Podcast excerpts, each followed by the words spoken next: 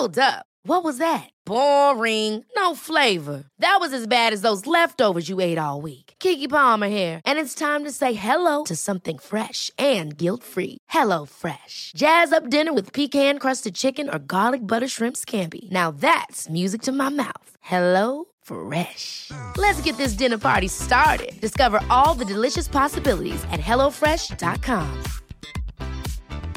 Hey, it's Danny Pellegrino from Everything Iconic. Ready to upgrade your style game without blowing your budget? Check out Quince. They've got all the good stuff shirts and polos, activewear, and fine leather goods, all at 50 to 80% less than other high end brands. And the best part?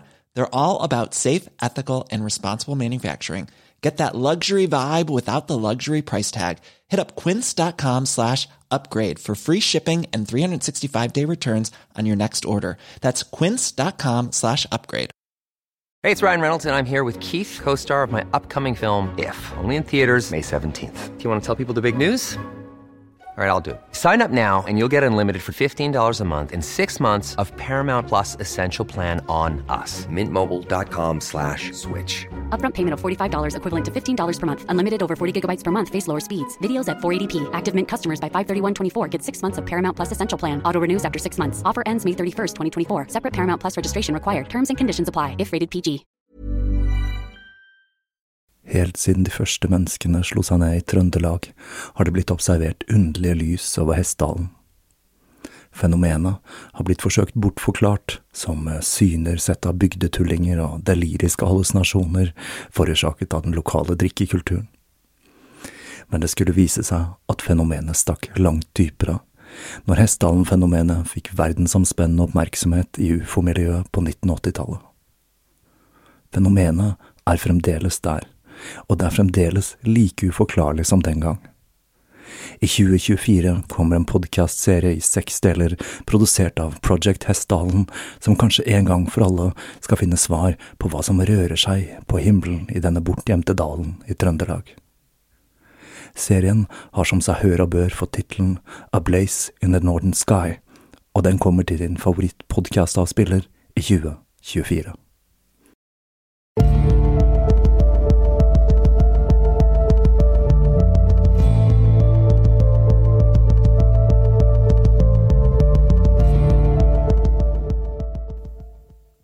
og velkommen til Tåkeprat. Jeg heter Even, og når jeg tar opp denne episode 101, så er det søndag den 14. april 2019. Denne påsken så har jeg faktisk fått en sponsor. Dette dreier seg om en ferdiginnspilt snutt som spilles i forkanten av podkasten i 14 dager. Jeg er ikke spesielt glad i avbrekk i podcaster, og jeg føler at det å ha sponsorer på begynnelsen er den minst forstyrrende måten å gjøre dette på. Hvordan man skal drive en podkast på norsk med den intensiteten jeg jobber med tåkeprat på, er fremdeles en liten gåte, og det er mange brikker som må på plass.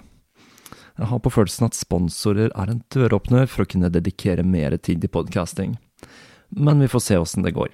Her er det learning by doing, på samme måte som i Atle Antonsens TV-serie Nav fra 2012. Av andre podkast-relaterte ting, så er det sikkert noen av dere som blir glade for å høre at Tåkeprat fungerer som den skal igjen i Podbean. Jeg har fått flere tilbakemeldinger om at podkasten stoppet opp etter episode 84, men strømmen skal fungere som normalt igjen nå. Nå som vi går inn i påsken, denne litt uoversiktlige høytiden jeg tok for meg i episode 61, Påskeprat, så skal jeg starte på temaet jeg har planlagt i lang tid.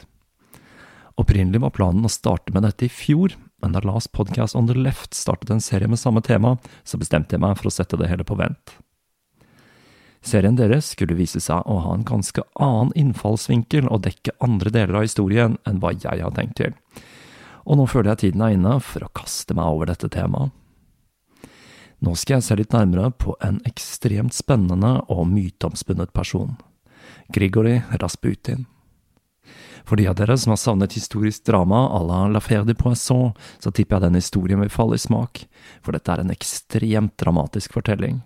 Ikke bare om Rasputin, men også fallet til det russiske monarkiet. Selv så har jeg grugledet meg til å fortelle historien om Rasputin. Dette dreier seg om russisk historie, noe jeg i utgangspunktet ikke kan så altfor mye om.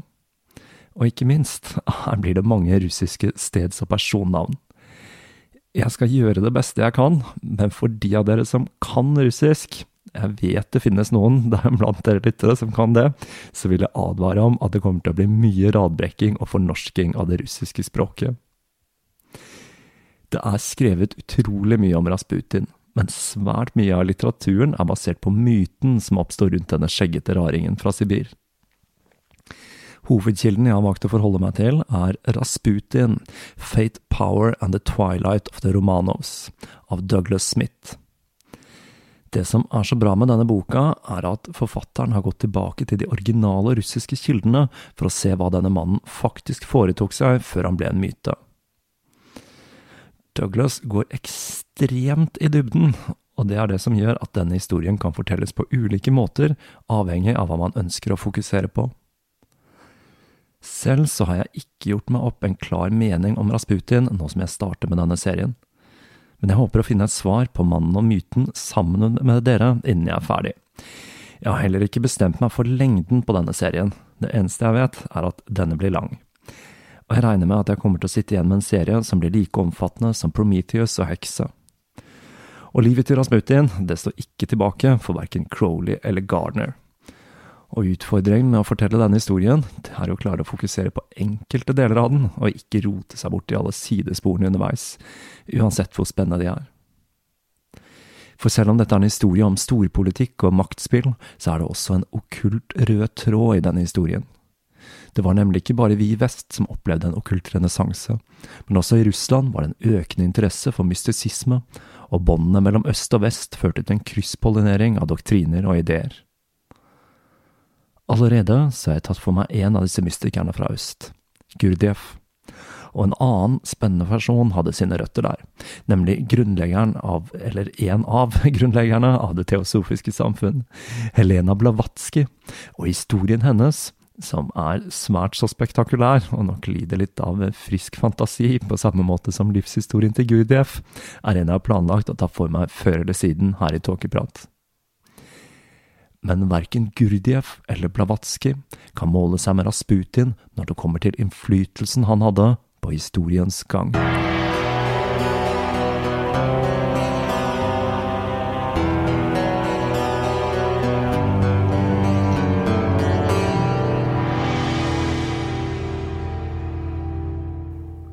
Fortellingen vår starter med en kjærlighetshistorie. I juni 1884 var den da tolv år gamle prinsesse Alex, barnebarnet til dronning Victoria, i Russland i bryllupet mellom hennes eldre søster Elisabeth og storhertugen Sergej Aleksandrovitsj, lillebroren til den russiske keiser Aleksander 3. Arvingen til den russiske tronen, Nikolas Aleksandrovitsj, som selv var 16 år, ble betatt av den unge jenta, og da hun skulle reise, så forærte han henne en brosje. Selv om det skulle gå fem år før de møttes igjen, så hadde ikke Nicolas glemt henne, og når hun kom tilbake til Russland, så gjorde han det han kunne for å vinne hennes hjerte. Men Alex hadde litt problemer med et ekteskap med Nicolas, for hun var protestant, og om de skulle gifte seg, så måtte hun konvertere til den russisk-ortodokse tro. Alex var en svært ettertraktet jente, og det sto ikke på friere, men hun takket nei til flere attraktive tilbud. Dronning Victoria var bekymret for Nicolas sine forsøk på å vinne Alexes hånd. Hun var nemlig overbevist om at noe forferdelig var i ferd med å skje i det russiske samfunnet, og ville nødig at barnebarnet skulle giftes bort til arvingen av den store bjørnens trone, noe som skulle vise seg å være svært så profetisk. Men skjebnen ville det annerledes. Da Nicolas møtte henne igjen våren 1894, så ba han om hennes hånd. Revet mellom kjærlighet og religion, så brøt hun sammen i tårer men hennes eldre søster Ella, som hadde konvertert, overbeviste søsteren om at dette slett ikke var så ille som hun forestilte seg. Det var starten på et kjærlighetsforhold som skulle vare livet ut, selv om det livet skulle bli ekstremt turbulent. Men før de to kunne gifte seg, så skjedde det utenkelige. Sara Alexander 3. døde den 1. november 1894, og med det ble Nikolas den nye russiske tsaren en rolle han slett ikke ønsket å ha og ikke følte seg klar for. Med konverteringen så fulgte et navnebytte, og Alex ble nå Aleksandra Fjodorovna, og de to giftet seg i vinterpalasset i St. Petersburg like etterpå, den 26. november. Men til tross for Nicolas sin kjærlighet for sin nye kone, så ble hun uglesett i det russiske aristokratiet. Hun var nemlig ikke komfortabel med rollen som tsaritsa, og var svært beskyttende ovenfor sin families privatliv, noe som slett ikke var passende for en i hennes posisjon. På toppen av det hele så feilet hun på et annet område, nemlig med å produsere en arving. I løpet av seks år, fra 1895 til 1901, så fødte hun fire barn, men alle var døtre. Olga, Tatjana, Maria og Anastasia. Det var et par damer i vennskapskretsen til Alexandra som skulle starte hva som skulle utvikle seg til å bli et merkelig forhold til en mystiker fra Sibir. Disse to damene, Blitza og Anastasia, eller Stana som hun ble kalt, var døtre av kongen av Montenegro, Nikolas den første, Mirkov Petrovic Nygosj. De hadde en rekke kallenavn. De svarte kråkene, De svarte sjelene og De svarte prinsessene. Det er vel et ordspill på Montenegro eller Det svarte fjellet. Og disse to damene beveget seg i de øverste sosiale sirklene i St. Petersburg. Militsa hadde giftet seg med storhertug Pjotr Nikolavitsj, og Stana var gift for andre gang med storhertug Nikolai Nikolavitsj, en offiser i hæren som var kjent for sitt voldsomme temperament. Det ble sagt at han en gang hadde kuttet hunden sin, en borsoi eller russisk ulvehund, i to under et middagsselskap for å bevise hvor skarpt sverdet hans var.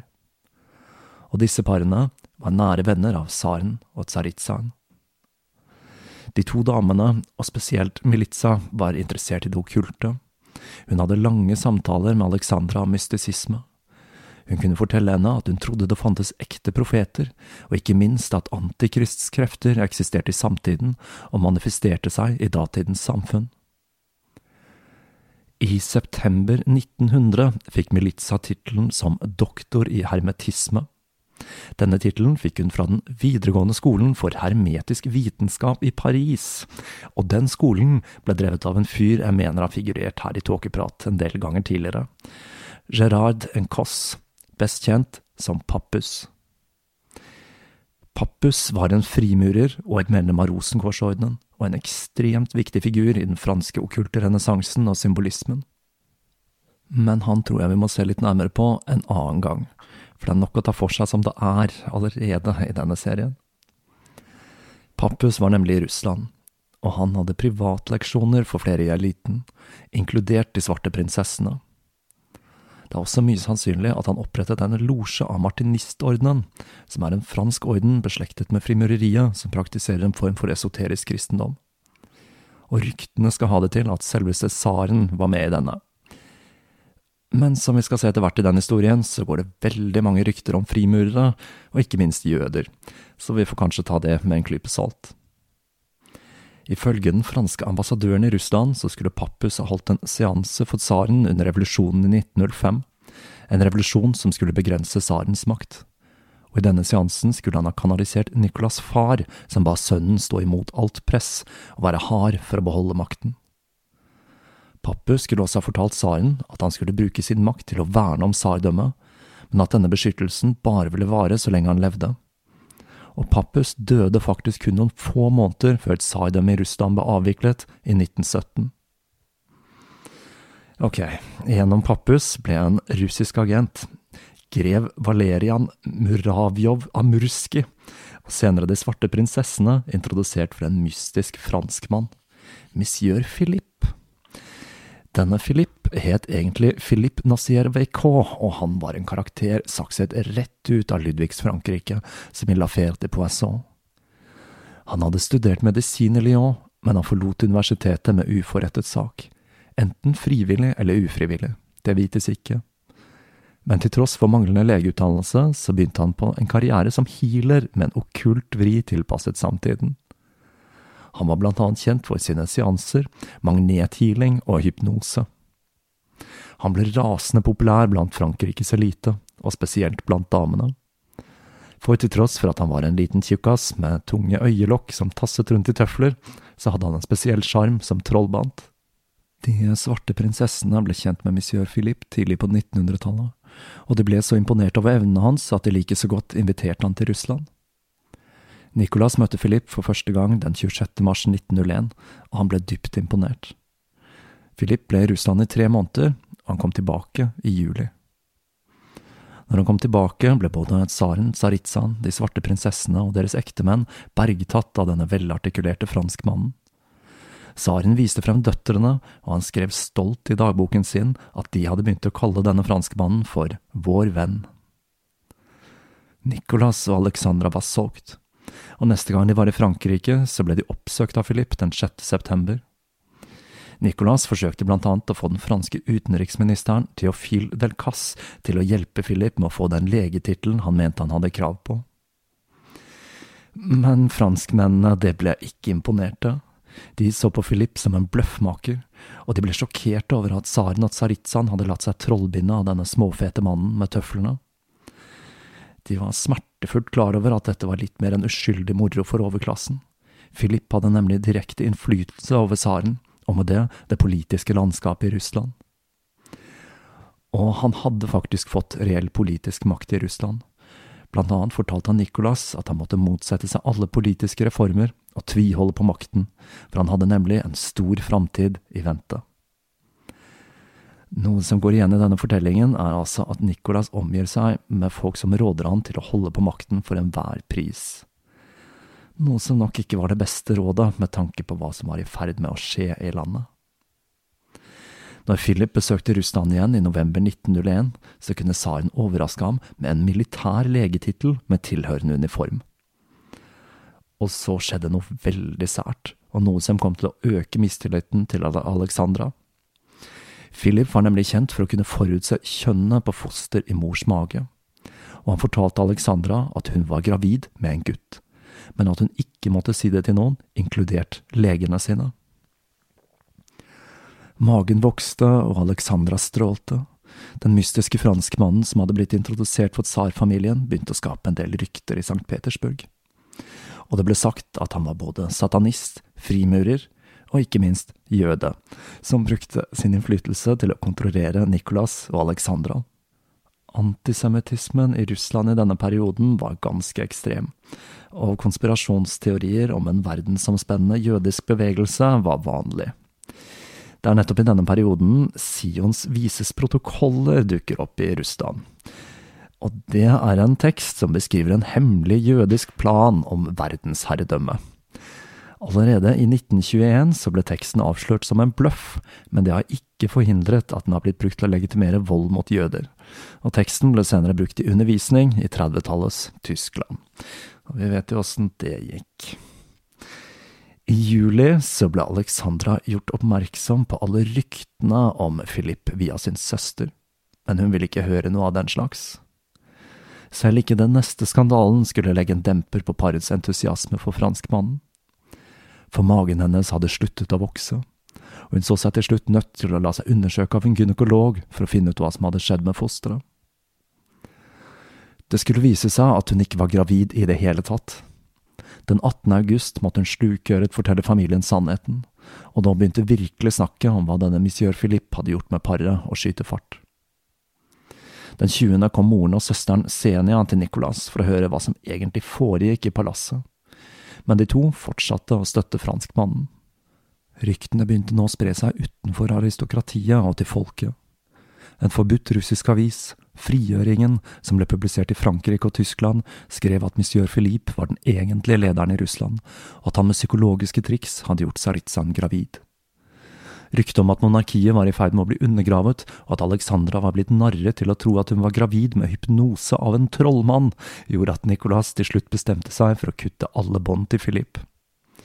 Ikke fordi han trodde han var en sjarlatan, men fordi han innså, sikkert med god hjelp fra sine rådgivere, at situasjonen begynte å bli farlig. Han ga monsieur Philippe en Serpolé, som er noe så fint som en fransk dampdreven bil. Den hadde han selv fått i gave tidligere, og så sendte han han tilbake til Frankrike. Før Philip dro, så hadde han selv flere gaver til Alexandra. En av disse var en magisk bjelle han fortalte ville begynne å ringe av seg selv dersom en fiende skulle nærme seg. Denne bjellen skulle Alexandra beholde resten av sitt liv. Han kom også med en profeti og fortalte Alexandra at hun ikke trengte å bekymre seg, for en annen venn ville overta hans rolle når han reiste bort. Fortellingen om monsieur Philippe gjorde at en rekke mystikere og profeter oppsøkte tsarfamilien. Som for eksempel den hellige, barfotete Mitja, også kalt Den nasale stemmen.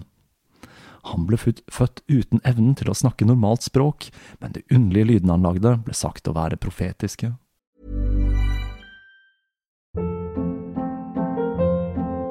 Hold up. What was that? Boring. No flavor. That was as bad as those leftovers you ate all week. Kiki Palmer here, and it's time to say hello to something fresh and guilt-free. Hello Fresh. Jazz up dinner with pecan-crusted chicken or garlic butter shrimp scampi. Now that's music to my mouth. Hello Fresh. Let's get this dinner party started. Discover all the delicious possibilities at hellofresh.com. If you're looking for plump lips that last, you need to know about Juvederm lip fillers. With Juvederm Volbella XC and Juvederm Ultra XC, your lip look, whether it's subtle or bold, can last up to one full year with optimal treatment and no additional maintenance. Find a licensed specialist and see if it's right for you at juvederm.com today. That's J U V E D E R M.com. Add fullness to lips in adults over 21 with Juvederm Volbella XC or Juvederm Ultra XC. Do not use if you have severe allergies or a history of severe allergic reactions, or if you're allergic to lidocaine or the proteins used in Juvederm. Tell your doctor if you have a history of scarring or taking medicines that decrease the body's immune response or that can prolong bleeding. Common side effects include injection site redness, swelling, pain, tenderness, firmness, lumps, bumps, bruising, discoloration, or itching. As with all fillers, there's a rare risk of unintentional injection into a blood vessel, which can cause vision abnormalities, blindness, stroke, temporary scabs, or scarring. For full important safety information, visit juvederm.com. Han gjorde en kort karriere ved hoffet før han skulle bli overskygget av en annen mystiker, som kom fra de ugjestmilde russiske steppene.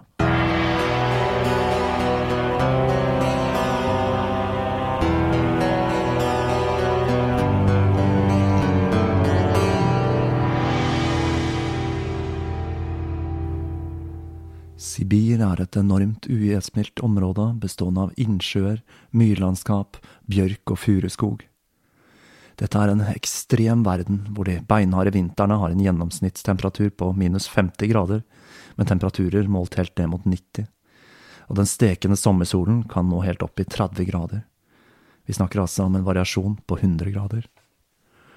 Sibir inspirerte mange historier om folk som bodde der, fra fortellinger om kannibalisme til at menneskene var reneste fabeldyr, ulike alle andre mennesker i verden. Selv når området ble mer utbygget og reisende fra andre land tok seg dit, så florerte det rykter om hvordan menneskene der hadde en dårlig moral, og at incest og annen synd var utbredt. Sibir ble også brukt av tsaren til å sende mennesker i eksil. Samtidig var Sibir en mulighet til frihet for mange. En rekke nybyggere flyttet hit fra slutten av 1600-tallet, og Sibir var et slags Ville Vesten, hvor tsarens representanter hersket som småkonger, og pelsjegere og handelsmenn kjempet for å overleve i en knallhard hverdag. I dette ugjestmilde landet ble Rasputin født, i landsbyen Tobolsk. Han var sønn av Jefim Rasputin, en helt ordinær bonde fra Sibir, og hans mor var Anna Parsjukova. De to hadde fått en hel haug med barn, men livet var hardt og få overlevde. De fire første hun fødte, mellom 1863 og 67, døde etter noen få måneder, og den første til å overleve var det femte barnet, som de døpte Grigori etter Sankt Gregory av Nyssa, en kristen mystiker fra det fjerde århundret. Anna skulle føde flere barn. Det er litt usikkert på, om hvor mange det faktisk var. De fleste, eller alle de andre, døde, men det kan hende at det niende barnet, en jente, overlevde. Men det er langt fra sikkert. Det kom mange historier om den dårlige moralen til familien, inkludert at selve navnet Rasputin hadde noe med dårlig moral å gjøre. Men det ser ikke ut til å stemme, og Rasputin var et svært vanlig navn i regionen i den tiden. Av andre historier så fortelles det at Jefim hadde en voldsom seksuell appetitt, og at han krevde å ha sex med sin kone selv om hun var høygravid. Når Anna en gang forsøkte å motsette seg dette, så hadde han skreket dytt den ut, fort deg og dytt den ut i desperasjon. Men alle disse artige anekdotene er nok fortellinger funnet på for å svartmale familien og opphavet til Rasputin. Han hadde ingen formell utdannelse og var analfabet i ungdommen. Men dette var vanlig, ikke bare i Sibir, men Russland generelt. Ingenting ser ut til å ha skilt han nevneverdig ut fra andre bondesønner i Sibir i samtiden. Man har forsøkt å stemple han som hestetyv, noe som var svært alvorlig. Men når man ser etter dokumentasjon på dette, så er det eneste man har klart å hoste opp, at han ble fengslet et par dager for å ha vært rappkjeftet mot en offentlig tjenestemann, og at han hadde begått noen småtyverier og var veldig glad i å drikke. Ikke noe spesielt, med andre ord, og sannheten er at vi ikke vet så fryktelig mye om det tidlige livet til Rasputin. Få var interessert i å skrive ned hva en helt vanlig bondegutt fra Sibir foretok seg. Men det vi vet, er at han giftet seg med den tre år eldre Praskovja Dubrovina det året han fylte 18. For Praskovja så betød ekteskapet med Grigorij trygghet og en sikker framtid. Eller så sikker som den kunne være i Sibir, i det minste. For hun var en forholdsvis gammel brud etter sibirske standarder. De to flyttet inn til foreldrene hans slik som skikken var, og så begynte de å få barn. Syv i alt men de fleste de døde, gjerne da ting som skarlagensfeber og kikhoste. Det var dette med vaksiner og sånn, da. Men en sønn som ble født i 1895, Dimitri, og en datter, Matryo, uh, Matryona, som da heldigvis ble kalt for Maria, født to år etter Dimitri, skulle overleve barndommen. I en alder av 28 år så bodde Grigori fremdeles med familien, og ingenting tilsa at det var noe spesielt med han, men det var i ferd med å endre seg dramatisk. Noe skjedde som førte til at Rasputin bestemte seg for å bli en pilegrim og for å finne Gud. Ifølge disse ryktene som oppsto i ettertid, så flyktet han for å unngå fengselsstraff som hestetyv og ifølge hans datter Maria så hadde jomfru Maria åpenbart seg for han og bedt han om å dra ut i verden for å rense menneskeheten for synd. En annen faktor var kanskje at han dro på en tur til Tyumen sammen med en teologistudent, Meleti Saborovskij, som skulle ha åpnet øynene hans for religion. Uansett årsak, Rasputin bestemte seg for å forlate landsbyen for å finne Gud, noe som var en dramatisk beslutning av en sibirsk bonde, ja, en som sikkert ikke falt helt i god jord hos familien hans. Lite visste han at han kun hadde 19 år igjen å leve, og at han på disse 19 årene skulle sette sitt merke på russisk historie for all ettertid. Det var forholdsvis vanlig med straniki, eller pilegrimer, i Russland på denne tiden, og både rike og fattige valfartet til ymse hellige steder. Rasputin skulle bruke seks år på å reise på søken etter Gud. Han lærte seg å lese Bibelen, og han søkte og fant Gud i den ville, russiske naturen. For å tjene til livets opphold så tigget han og påtok seg diverse strøjobber. Han levde i en asketisk tilværelse hvor han testet viljestyrken sin. For eksempel så gikk han i seks måneder uten å vaske seg, ta på kroppen sin eller skifte undertøy. Han gikk også en periode i lenker. Denne møkkete, stinkende, skjeggete mannen fra Sibir med sine lenker var nok et selsomt syn der han vandret opp mot fem mil om dagen. Dette med å gå med lenker var en ganske vanlig ting blant straniki, og grunnen til at han valgte å legge de fra seg, sier en del om tankesettet til Rasputin.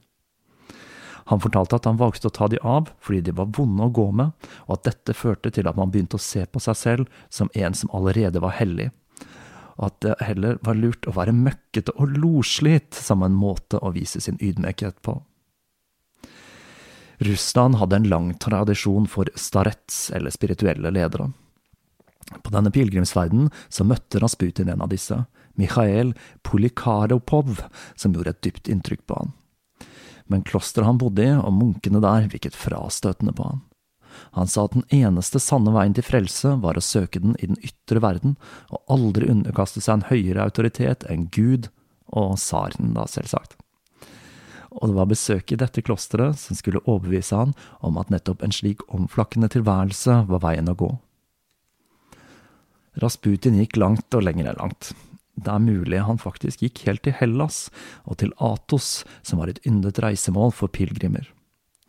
Han var borte i lange perioder, og datteren Maria forteller hvordan hun og broren helt glemte hvordan han så ut. For han kom hjem fra tid til annen, og han skal ha vært svært jordnær og jovial til tross for sin spirituelle søken. All denne reisingen gjorde at Rasputin utviklet en dyp innsikt i det russiske samfunnet, og ikke minst i menneskene som bodde der. Ryktet hans som en hellig mann begynte å vokse, og han begynte å tiltrekke seg flere følgere, blant annet to damer, Jevedokia og Jekaterina.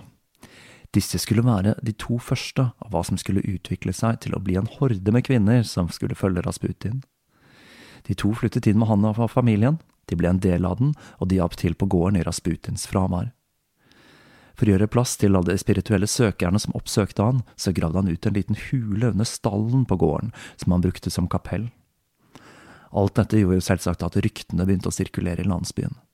Rykter om at sirkelen hans praktiserte underlige ritualer og sang merkelige sanger, og ikke minst rykter om at de to kvinnene badet med Rasputin, og at de ble med han alene på utflukter.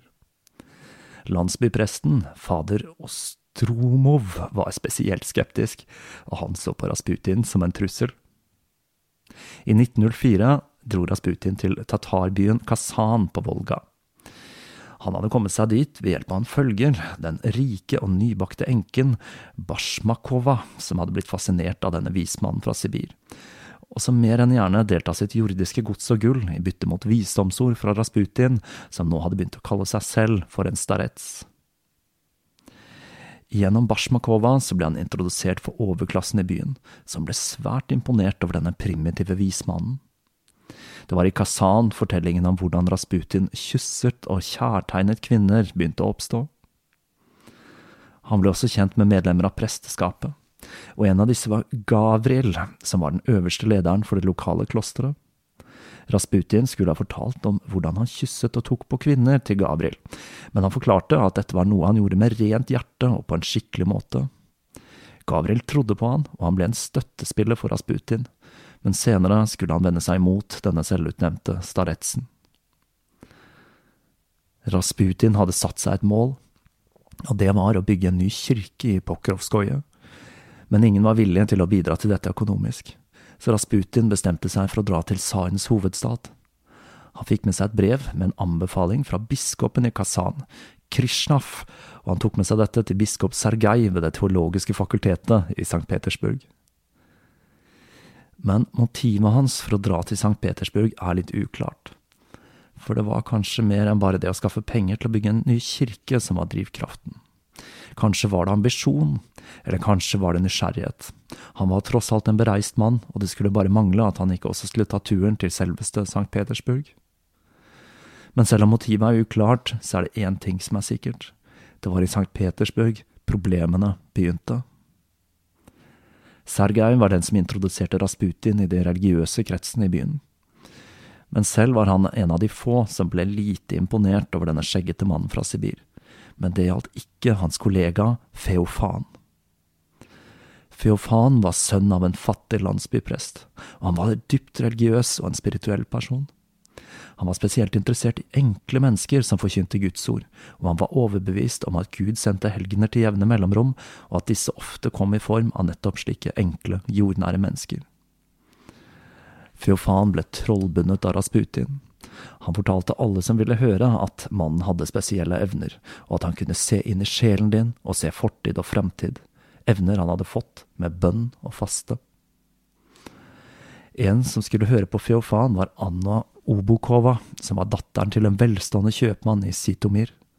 På en ferietur dit så overnattet Feofan i huset deres, og Anna fortalte Feofan at hun gjennomgikk en spirituell krise og vurderte å gå i kloster. Feofan sa at hun heller burde søke frelse i verden utenfor, og han fortalte at han visste om en lys levende helgen som kunne hjelpe henne. Rasputin skulle bli voldsomt populær i det øvre sosiale sjiktet i St. Petersburg. Det var spesielt kvinnene som ble fascinert av denne mannen, som så ut til å bry seg lite om jordisk gods, og brukte den uformelle tiltalen du, uansett hvilken status den han snakket med hadde. To av de kanskje mest innflytelsesrike menneskene som ble tilhengere av Rasputin, det var innenriksministeren og hans kone. Rasputin var også et fast innslag i salongen til baronesse Varvara Iskuld von Gildebrand, Og selv om hun selv ikke var spesielt imponert over mannen, så var han et spennende og eksotisk innslag for gjestene hennes, som inkluderte flere svært prominente mennesker. I denne perioden skulle Rasputin møte en annen mann, som først skulle være en ihuga tilhenger, og som senere skulle bli en av hans fiender. Sergej Trufanov, som hadde blitt ordinert som munk i 1903 og tok navnet Iliodor. Iliodor var kjent for å være ekstremt god til å tale men det han sa, det var ikke like hyggelig. Iliodor har blitt beskrevet som en protofascist. Han var en glødende antisemitt, tilhenger av hyppig bruk av dødsstraff og en arg motstander av fri presse og dumaen, den lovgivende forsamlingen i Russland. Iliodor var en skikkelig bråkmaker, og hans tidligere støttespiller, erkebiskop Antony, sa at Iliodor hadde blitt grepet av en hysterisk galskap mens Lenin han mente at Iljodor var et tegn i tiden på at noe var i ferd med å endre seg i det russiske samfunnet. Feofan hadde blitt oppsøkt av Militsa, altså en av disse svarte prinsessene, og hun var interessert i hans dragning mot mystisisme og levende helgener. Hun inviterte ham hjem til seg, og han ble kjent med de svarte prinsessene og det gikk ikke så lang tid før han fortalte at de måtte møte denne staretsen fra Sibir, som var den store snakkisen i St. Petersburg. De svarte prinsessene likte Rasputin svært godt, med sine eksentrisiteter, enkle språk og ikke minst det at han kysset alle de han møtte, så tenkte de at dette måtte være en bra person som kunne knytte de nærere tsaren og tsaritsaen. De trodde at Rasputin, en enkel bonde, ville være lett å manipulere, men der skulle de ta fryktelig feil. Det finnes mange konspirasjonsteorier om hvem som introduserte Rasputin mot tsarfamilien, enten det dreier seg om nasjonalistiske grupper, eller selvsagt jødene. Men det var gjennom de svarte prinsessene og tsarene og tsaritsans interesse for mystikere han først skulle bli presentert for Russlands siste monark. Tsaren var i hardt vær i 1905. Russland hadde tapt en svært upopulær krig mot Japan, og en rekke demonstrasjoner av misfornøyde arbeidere toppet seg den 9. januar 1905, når et tusentalls fredelige demonstranter ble skutt ned og drept utenfor Vinterpalasset. Dette førte til revolusjon og massive opptøyer som varte fram til høsten, hvor Nicolas så seg nødt, nødt til å gi fra seg en del av makten og godkjenne ting som ytringsfrihet, retten til å samles og religionsfrihet. Dette dokumentet, som kalles Oktobermanifestet, gjorde Russland til et konstitusjonelt monarki, og selv om tsaren fremdeles hadde mye makt, så var den ikke lenger ubegrenset. De svarte prinsessene hjalp Nicolas og Alexandra gjennom denne vanskelige tiden, og den 1. november 1905 så ble de introdusert for Rasputin. Alexandra ble bergtatt av denne mannen, som virket så energisk som en spent fjær. Og så var det øynene, det var som han kunne se rett inn i sjelen din og fortelle deg hvem du var. Nicolas brukte litt lengre tid på å la seg fascinere av Rasputin, men han skulle også begynne å betrakte denne mannen som en ekte starets. Rasputin støttet de to og fortalte at de måtte stole på Gud, og han fortalte at Nicolas var uløselig knyttet til Russland. Tsaren og landet var ett, velsignet av Gud.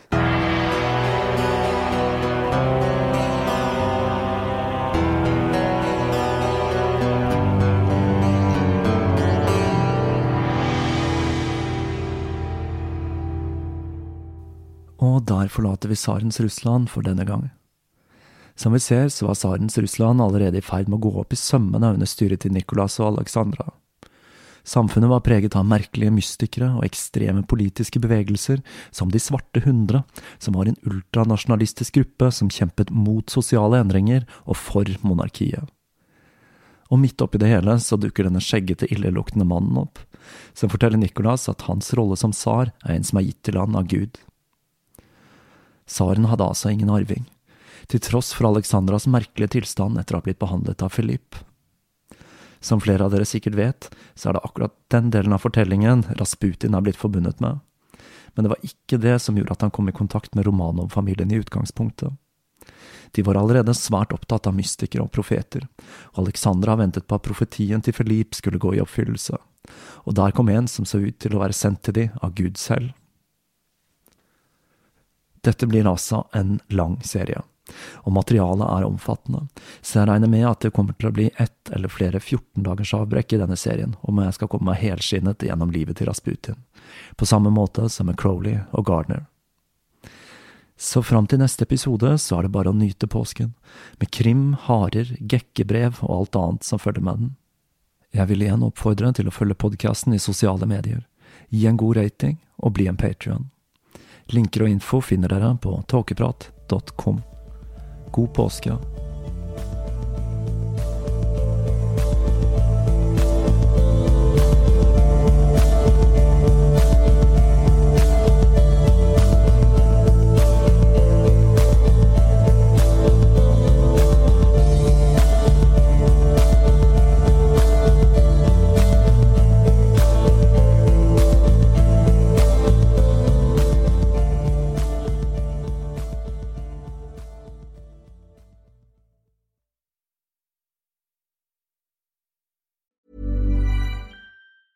Hey, it's Danny Pellegrino from Everything Iconic.